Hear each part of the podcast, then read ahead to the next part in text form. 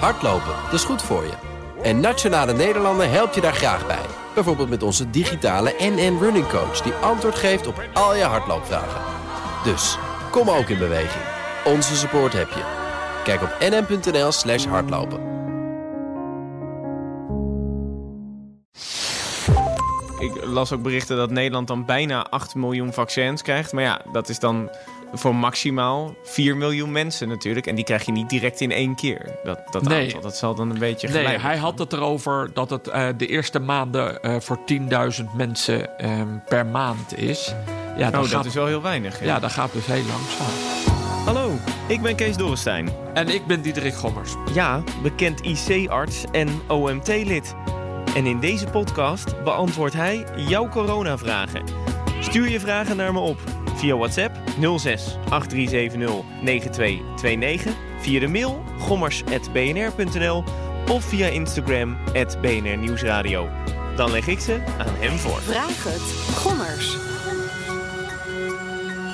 Diederik, ik wil direct even met iets heel geks beginnen. Er is nu een eh, soort van virale hit. eh, die gaat rond. Van een typetje van Richard Groenendijk. eh Jopie Parelvliet is dat. En eh, u zit in een hit. Ja, De restaurants die zijn gesloten, in theaters valt het doek.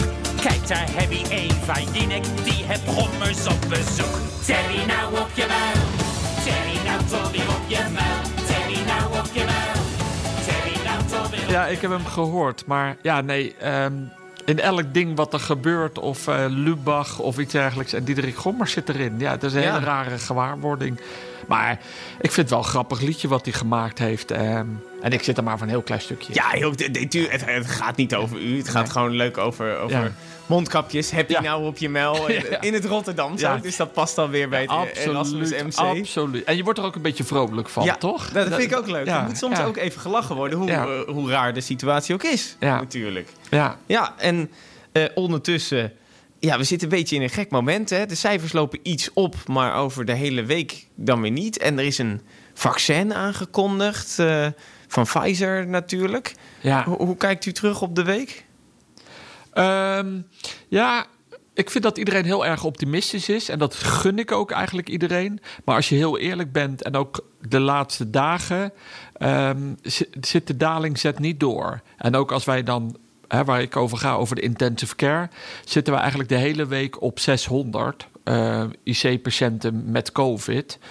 Ehm, en wij merken ook dat de druk op de intensive care bedden. En gisteravond hadden we echt problemen om het ziekenhuis in Goes te ontlasten. Er lagen te veel patiënten en moesten echt verplaatst worden. Dus er is nog heel veel spanningen. En dat zien we ook omdat de reguliere zorg die liep eigenlijk op. Dus er lagen toch gewoon eh, bijna 1100 patiënten eh, op de intensive cares in Nederland. En dat is toch eigenlijk ook wel het gevoel. Dat we merken dat, nou ja, iedereen is een beetje in een jubelstemming. En dat gun ik iedereen. Maar als je Het is heel... te vroeg eigenlijk. Ja, het is echt wel te vroeg. Even stoppen met jubelen, maar even juist die daling vasthouden. En dan kunnen we misschien met kerst jubelen. Nou ja, ik vind gewoon iedereen mag elkaar een complimentje geven hoe we het met elkaar doen. Hè? Bedoel, want we hebben een voorsprong op de landen om ons heen. Al zien we het daar gelukkig ook dalen. Ehm, maar ehm, het is nog wel iets te vroeg. Hè? De, de druk op de ziekenhuisbedden is gewoon groot. En we zien eigenlijk ook eh, dat die besmettingen de laatste twee dagen toch weer een beetje stijgen. Ehm, dus je, je hoopte eigenlijk dat het door zou zetten naar ehm, nou ja, 500.000 dalingen per dag. En dat eh, scenario zaten we in het begin van de week. En dat is nu wel gestopt. 500.000 dalingen Nee, per dag? of- 500 tot Oh, 1000 oh dalingen. 500. Oké, Ja, ik, ja. ik dacht ja, 500.000. Ja, dan gaat het hard. Dan zitten we zo onder de nul. Dat zou helemaal lekker zijn. Laten we daar vooral op eh, inzetten. Nou, ik heb, ehm, ja, het, het is eh, nog zeker niet voorbij. En, en daarom heb ik ook heel wat vragen eh, binnengekregen. Ik begin met eentje van Elvira en Mirjam. Die, die stelden eigenlijk beide een beetje een ver- een vergelijkbare vraag.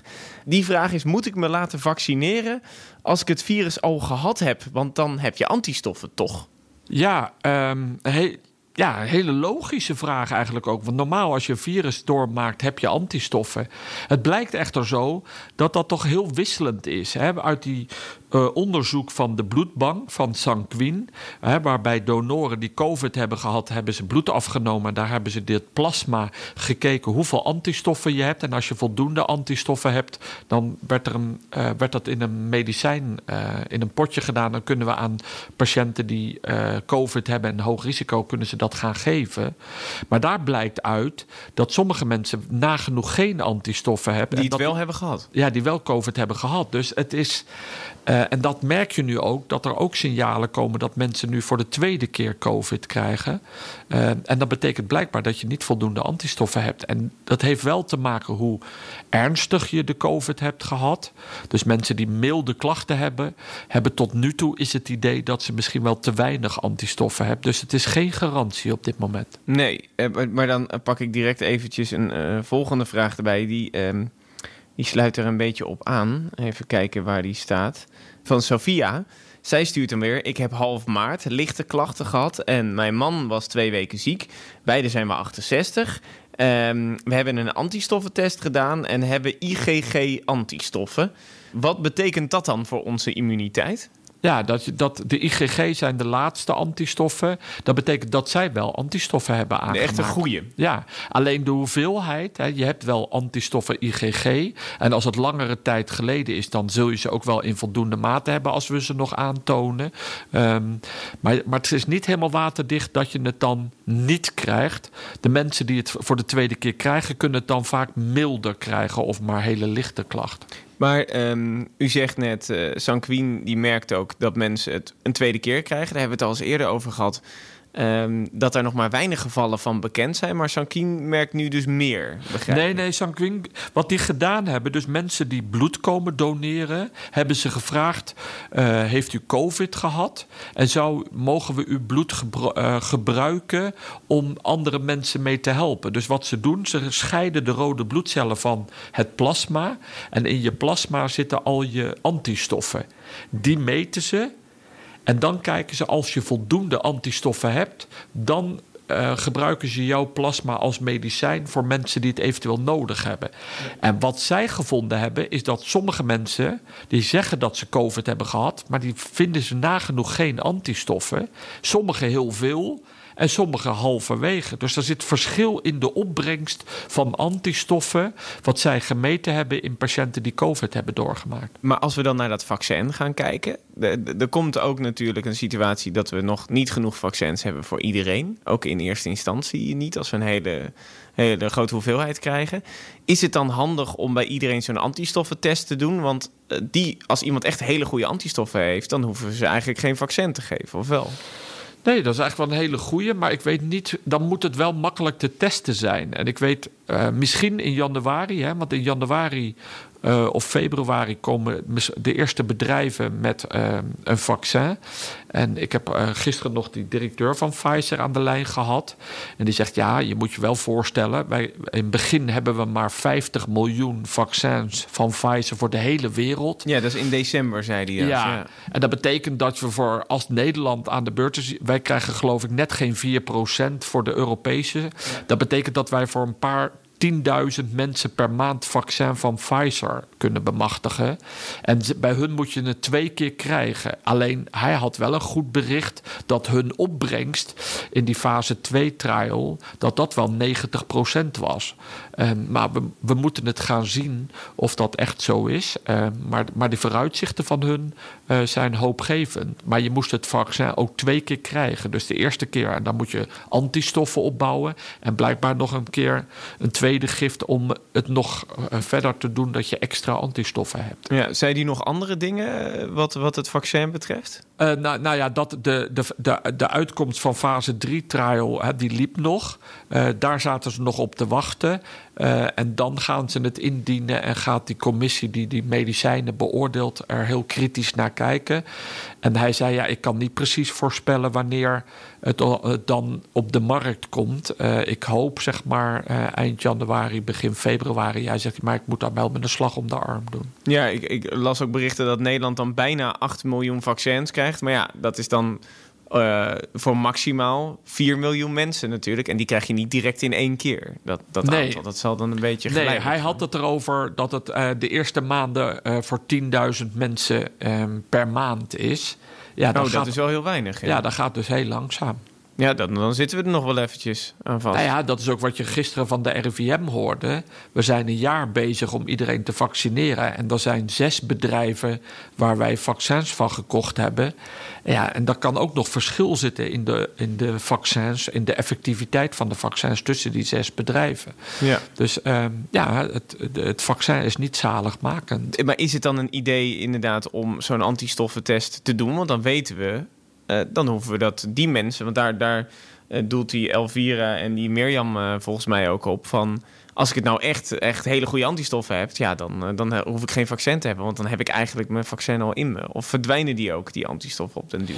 Nee, ik denk dat ze een hele goede vraag hebben. Maar dan, dat moeten we echt aan de virologen vragen. En de laatste keer dat ik hun sprak over dit onderwerp, zeiden ze: wij, wij hebben daar nog te weinig onderzoek naar gedaan. Maar ik kan me voorstellen, en zeker als die vaccins maar met kleine hoeveelheden in januari en februari geleverd gaan worden, dat die resultaten en dat we eventueel eh, dat soort onderzoeksresultaten dat die dan wel komen en dat we eventueel omdat we ook steeds beter en meer kunnen testen Ehm, dat dat misschien ook een, nou ja, een oplossing zou kunnen zijn. Ja.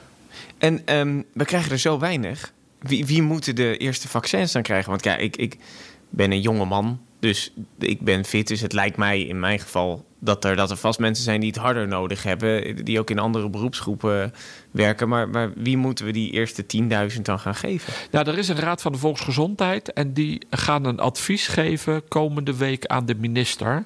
En zij komen met een suggestie wat wijsheid is wie het eerste moet geven. Ik, ik heb dat advies nog niet gezien. Eh, maar ik verwacht dat de hoogrisicogroep dat is. Eh, maar we gaan het afwachten. Ja, kan ook mensen juist in de zorg zijn. Want die hebben we nu hard nodig. Dus die willen we niet dat die ziek thuis zitten dan. Ja, dat zou kunnen zijn.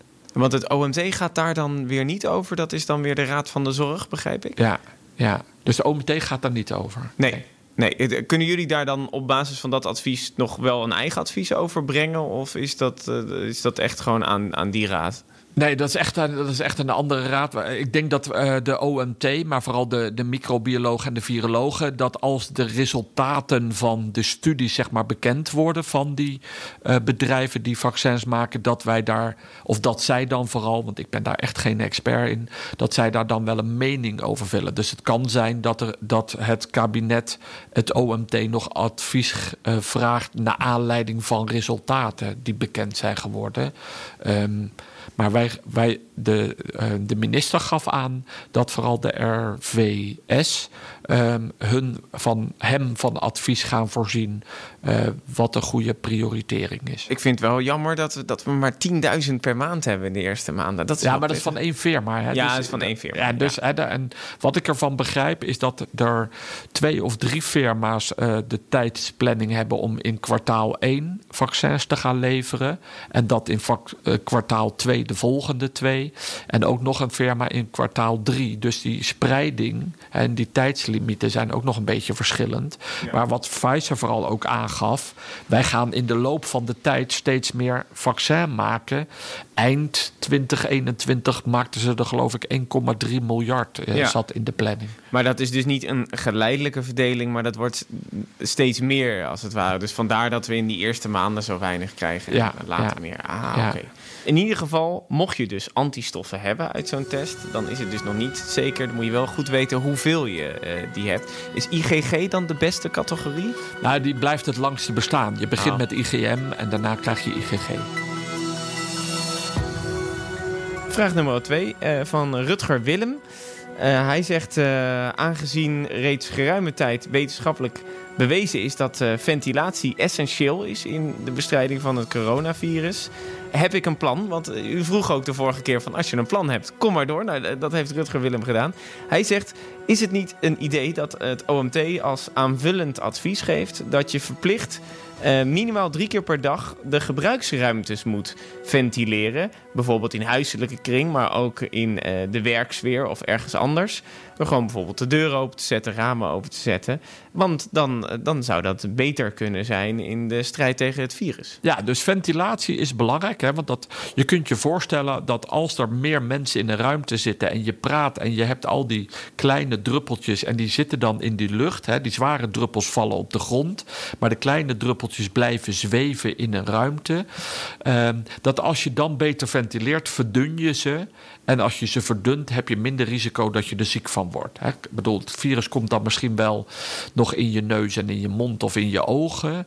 Maar het, als het verdund is, is het risico kleiner dat je er ziek van wordt. Omdat het Dus- dan minder verspreidt in, in je lichaam. Of? ja, dus het aanbod van het virus is lager. Dus de kans dat ze dan eh, infiltreren, hè, dus binnendringen in jouw eh, cellen, is kleiner.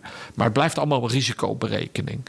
Ehm, dus ventileren is daarmee het idee dat je het verdunt. Dus ventileren is heel belangrijk. En daarom hebben ze ook gezegd bij die scholieren... misschien moeten ze de ramen openzetten. Misschien is, hè, de ventilatiesystemen Ja. worden gecontroleerd. Precies, daar is nog geld voor vrijgemaakt. Juist Ja. om bij scholen dat, eh, Dat is heel belangrijk. En, en dus ehm, kan je natuurlijk ook zelf thuis ehm, het advies nemen of zelf besluiten dat je denkt van nou, ik zet mijn raam meer open of af en toe zet ik de twee deuren tegenover elkaar open om goed te ventileren.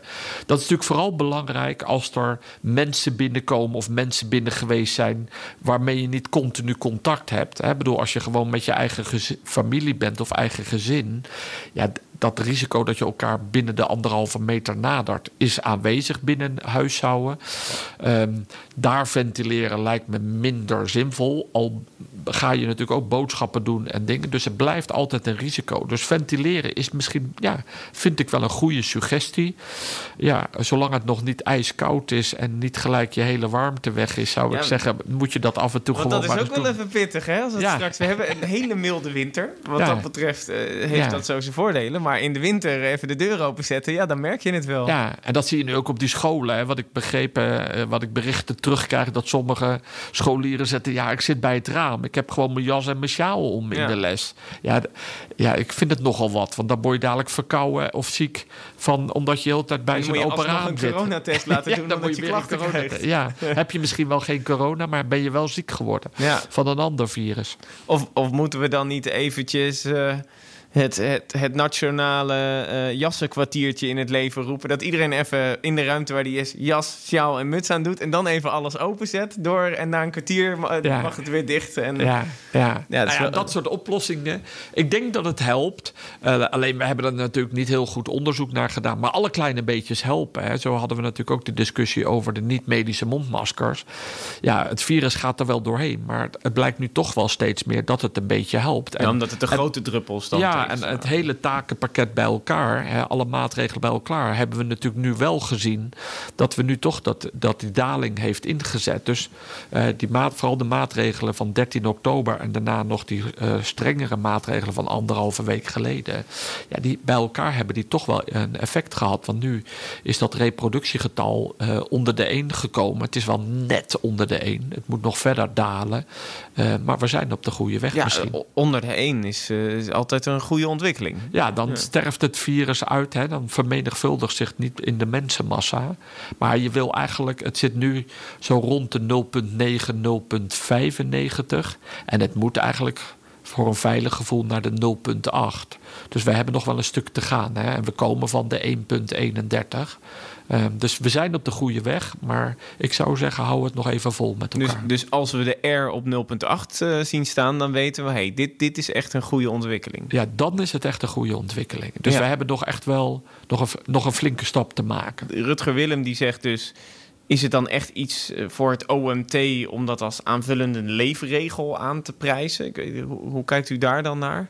Uh, dan zou ik wel graag even de Technische Universiteit of mensen willen raadplegen. En misschien zijn die bij de RIVM, uh, maar die zitten niet direct in het OMT. Maar dan zouden we daar eigenlijk een beetje onderzoek naar moeten doen. Ja. Wat de effecten zijn als je ruimtes ventileert op de hoeveelheid aerosolen. En vooral de concentratie. Dus uh, hoeveel aerosolen per kubieke meter of kubieke decimeter. Ja, dus wat u zegt, het, het kan geen kwaad. Uh, een beetje goede ventilatie. Behalve als het vrieskou is. Let even op dat je niet verkouden wordt. Maar er is nog, als je echt een advies van het OMT wil, dan is er nog wel wat meer onderzoek nodig, inderdaad, over de verspreiding ja, ja. binnen ruimtes. Maar je kunt je beredeneren dat het zin moet hebben. Want het verdunt altijd als er aerosolen met coronavirus in de lucht zouden zitten in die ruimte. Ja. Er wordt nog wel eens gezegd. Ehm, dat bijvoorbeeld in, eh, bij, bij sauna's, bij 70 graden of hoger, dan sterft dat virus gewoon sneller uit. Is er ook nog een omgekeerde eh, eh, regel? Dat als het heel erg koud is, dat het virus dan uitsterft? Als- Nee, nee, nee. Want het virus vindt uit. eh, kou- Want verkoudheidsvirussen komen vooral in de winter voor. En die vinden kou eigenlijk wel lekker. En dat zag je ook eigenlijk in die slachthuizen, in die vleesverwerkingsbedrijven. Daar zag je het virus ook beter tot zijn recht komen Omdat in de het, het koelcellen. blijft langer leven, omdat ja, het koud ja, is. Ah. ja, dus virus, dit virus houdt vooral van kou. En blijft dan langer op, op een gladde oppervlakte overleven in koelcellen. of in die bedrijven waar die vleesverwerking eh, plaatsvond. Oké, nou ja, dan is het inderdaad helemaal niet goed om de deur open te zetten in vrieskou winter. Want dat is misschien, dat vindt het virus dan weer leuk. Ja, eh. dat vindt het dan weer lekker. Ja, oké. Nou, let daar dus, dus vooral op eh, wat dat betreft. Tatjana dan, een, een vraag. En dat ga- gaat eigenlijk heel erg op voor mensen die het coronavirus hebben gehad. Zij vraagt, heeft u nog tips voor jongeren die nog steeds de gevolgen merken van een coronabesmetting? Dus met postvirale eh, klachten noemt ze dat. Dus eigenlijk een verslechterde fysieke toestand. Ja. ja, sommige mensen hebben er echt last van. En die blijven ook lang moe. Ehm, en hebben er veel klachten van. En, en we hebben zelfs nu ook jonge mensen gehad die zelfs een maand na de corona zo moe waren dat ze toch nog maar eens teruggegaan zijn naar het ziekenhuis en zich hebben laten controleren.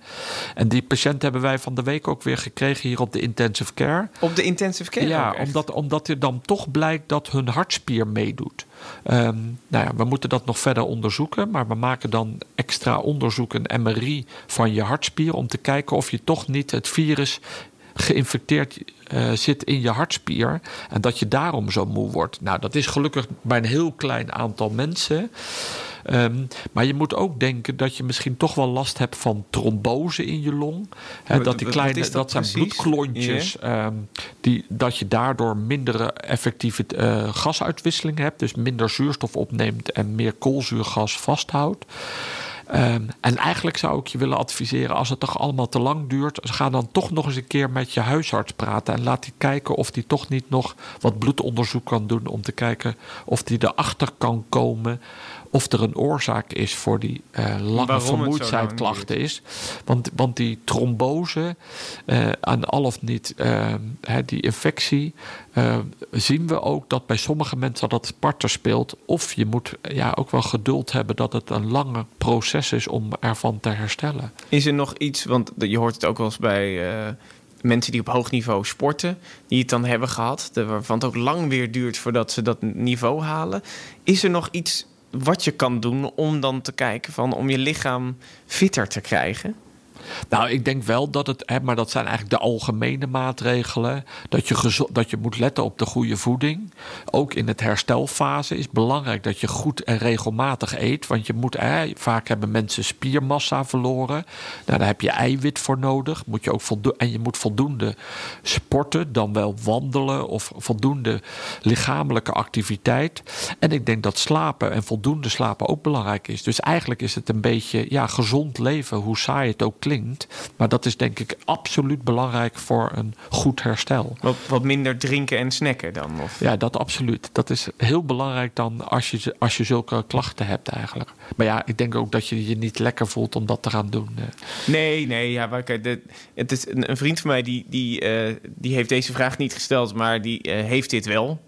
Eh, en eh, die eh, loopt nu elke dag anderhalf uur gewoon een rondje Ja. door de stad heen. Omdat hij Ja. zoiets heeft, ja, ik moet maar herstellen. Maar die heeft het ook echt in maart gehad. En die merkt Ja. nu nog steeds dat hij er niet topfit van, van is. Ja, en dat horen we toch vaak.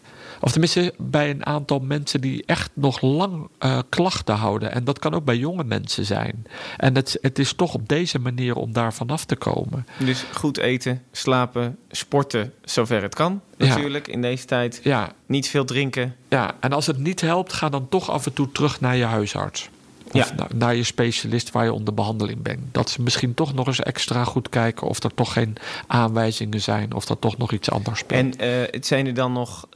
Wanneer moet je dan naar de huisarts op het moment dat, eh, dat je echt nog klachten merkt of dat je gewoon niet fit bent? Of wat, wat nou, zijn nee, dan maar net zoals je als die vriend van jou, als je dan zoveel moeite doet om, nou ja, hè, ehm, voldoende loopt en voldoende beweegt en goed slaapt. En, denk, en je vindt eigenlijk dat het in plaats van vooruit toch alleen maar achteruit gaat. Vooral bij het achteruit blijven gaan. Dan zou ik zeggen, eh, bezoek toch nog een keer een arts.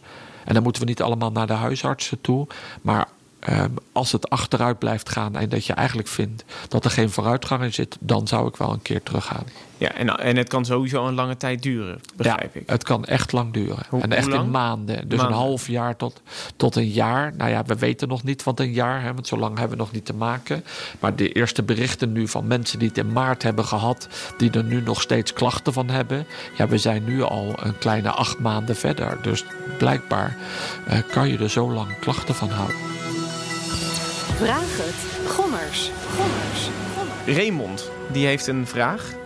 Eh, Die, zegt, eh, die stuurt eh, het volgende bericht via de WhatsApp. Eh, Hallo Diederik, allereerst bedankt voor uw inspirerende leiderschap in het publieke debat.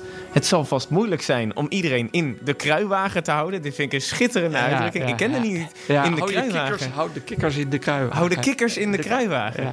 Dat lijkt me sowieso. Wie heeft, waar is dat nou van vandaan gekomen? Hou je kikkers in de kruiwagen. Nou ja, eh, sommige mensen, en dan springen ze, de kikkers springen eruit. En dan, dan moet je eigenlijk in je leiderschap moet je zorgen dat je iedereen erbij houdt. Ja. Ik heb nog nooit iemand met een kruiwagen vol met kikkers zien lopen. dat is het weer. En ik kom van het boerenland.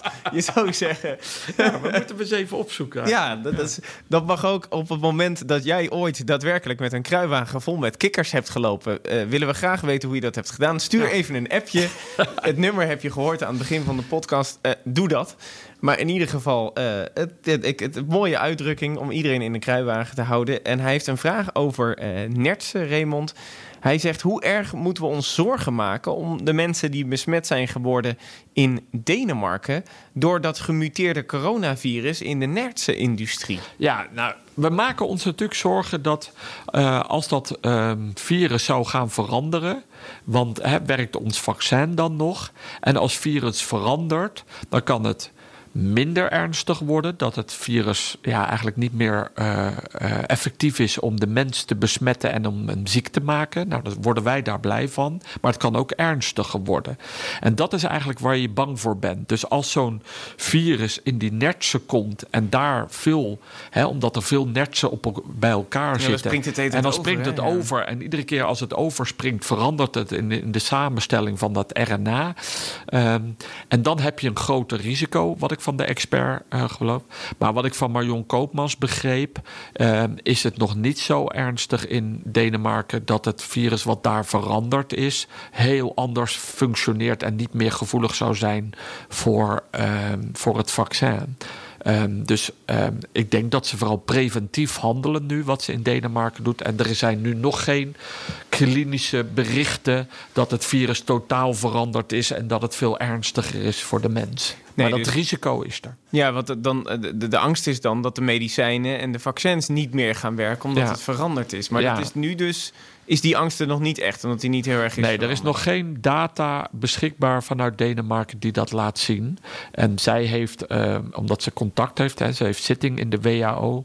eh, en zij zegt, die berichten zijn nog niet verontrustend op dit moment. Ik kan ook denken op het moment dat er nog geen data is. Ja, het is vroeg in het proces. Als er nog geen data is, dan weet je nog niet of het Nee. erg is of Nee, niet. Nee, dat kan ook nog. Maar eh, de eerste, zij, zij was ervan overtuigd dat, er- dat we ons geen zorgen hoefden te maken op dit moment. Maar ehm, dan denk ik ook, eh, wat, wat Nederland, eh, daar is nu ook besloten om de nerts te ruimen. Is dat dan toch een goede stap in dit, deze situatie? Want daar zagen we ook veel besmettingen. Ja, en dan vooral van nertsen naar mensen en van mensen naar die nertsen. Dus ik denk dat het een verstandig... Ah ja, ik heb er ook niet zoveel verstand van. Maar ja, wat we net zeiden, als je zoveel dieren op elkaar hebt zitten... en die, ze zijn, die, nertsen zijn er gevoelig voor... ja, dan bestaat natuurlijk het risico dat dat virus daar in zo'n netsenfarm zou kunnen veranderen. En als we het dan terugkrijgen als mens... ja, dan hebben we wel een groter probleem. Als we het ja, een nieuw COVID-19, dat heet dan COVID-20-virus zouden krijgen. Ja, ja dat, is- dat, voor, dat is een mooie quizvraag voor mensen die het echt niet weten. COVID-19 is natuurlijk gewoon naar het jaar vernoemd. Dus dan krijgen Ja. we inderdaad een COVID-20 naar dit jaar. Inderdaad, gewoon een, een, een nieuwe variant. Ik heb nog een vraag en ik kreeg die binnen en ik dacht zo, die, die greep me toch wel aan. eh, kan ik zeggen. Ehm, ik ga hem gewoon maar stellen, eh, want Ria heeft hem niet voor niks doorgestuurd. Zij zegt: Mijn moeder is 93 en eh, dementerend en woont in een woonzorgcentrum. Daar zijn veel coronabesmettingen en mijn moeder moest daarom al een paar weken op haar kamer blijven. Nou, er is pas geleden eh, is iedereen op haar afdeling weer getest en wat bleek, ze was toch positief, maar ze heeft geen klachten. Nu is ze wel bij de afdeling gezet, waar dus ook de erg zieke mensen gewoon in bed liggen met klachten. En daar mag zij nu rondlopen. Nou, ehm, er is me gezegd dat ze daar twee weken moet blijven. eh, en dat het geen kwaad kan, omdat ze al positief is. Kunt u mij zeggen of dat inderdaad het geval is? Want ik ben er niet echt gerust op op haar gezondheid en haar mentale gezondheid. Want ze begrijpt eigenlijk niet waarom ze op die afdeling is. Ja. Nou, dat is een heel, heel lastig probleem. Hè? Dus mensen die dementeren, die willen altijd liefst in die omgeving houden wat ze gewend zijn. Want ze vinden heel, hè, veranderingen zijn voor hun heel moeilijk. Ehm, en ik begrijp het nogal, natuurlijk, op het moment dat jij positief bent en je wordt dan ineens bij andere mensen die ook positief zijn, maar zij is er weinig ziek van, zou je dan kunnen bedenken, word je er dan zieker van? Ja, eigenlijk denk ik van niet, want zij heeft het virus bij zich. En dat virus heeft zich al genesteld in haar lichaam, Er in kan haar niet nog een cellen. ergere variant van het virus binnenkomen.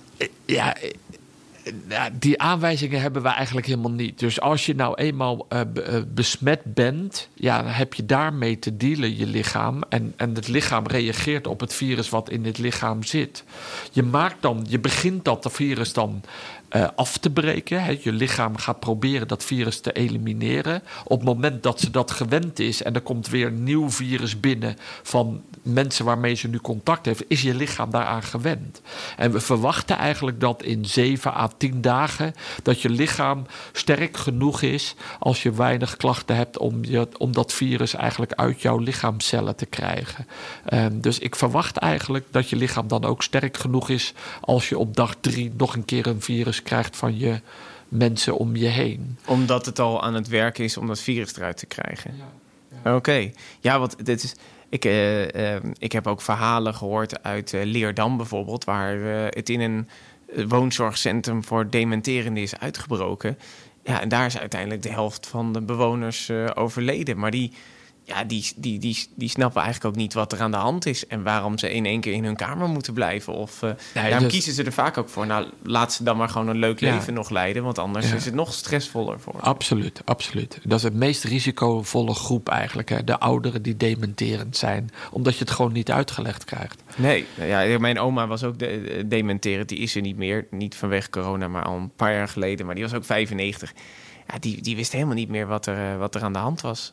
Die zag soms een foto van zichzelf en die dacht dan dat ze naar een foto van de dochters keek.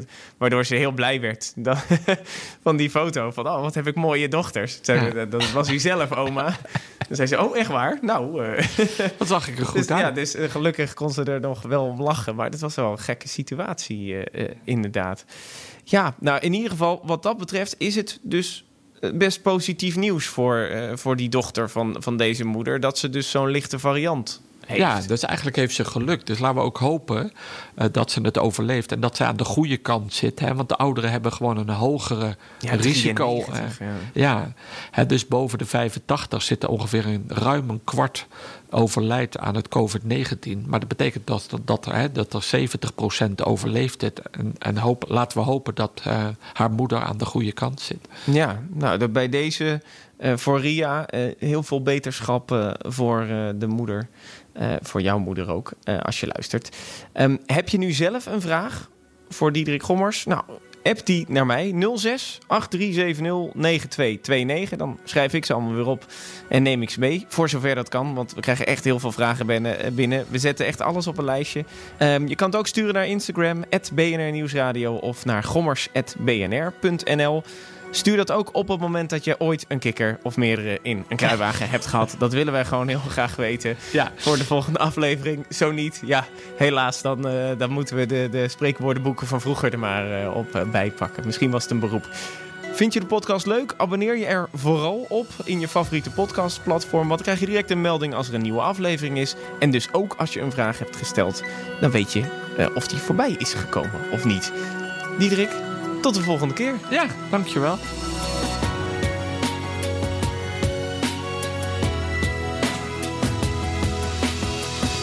Vraag het.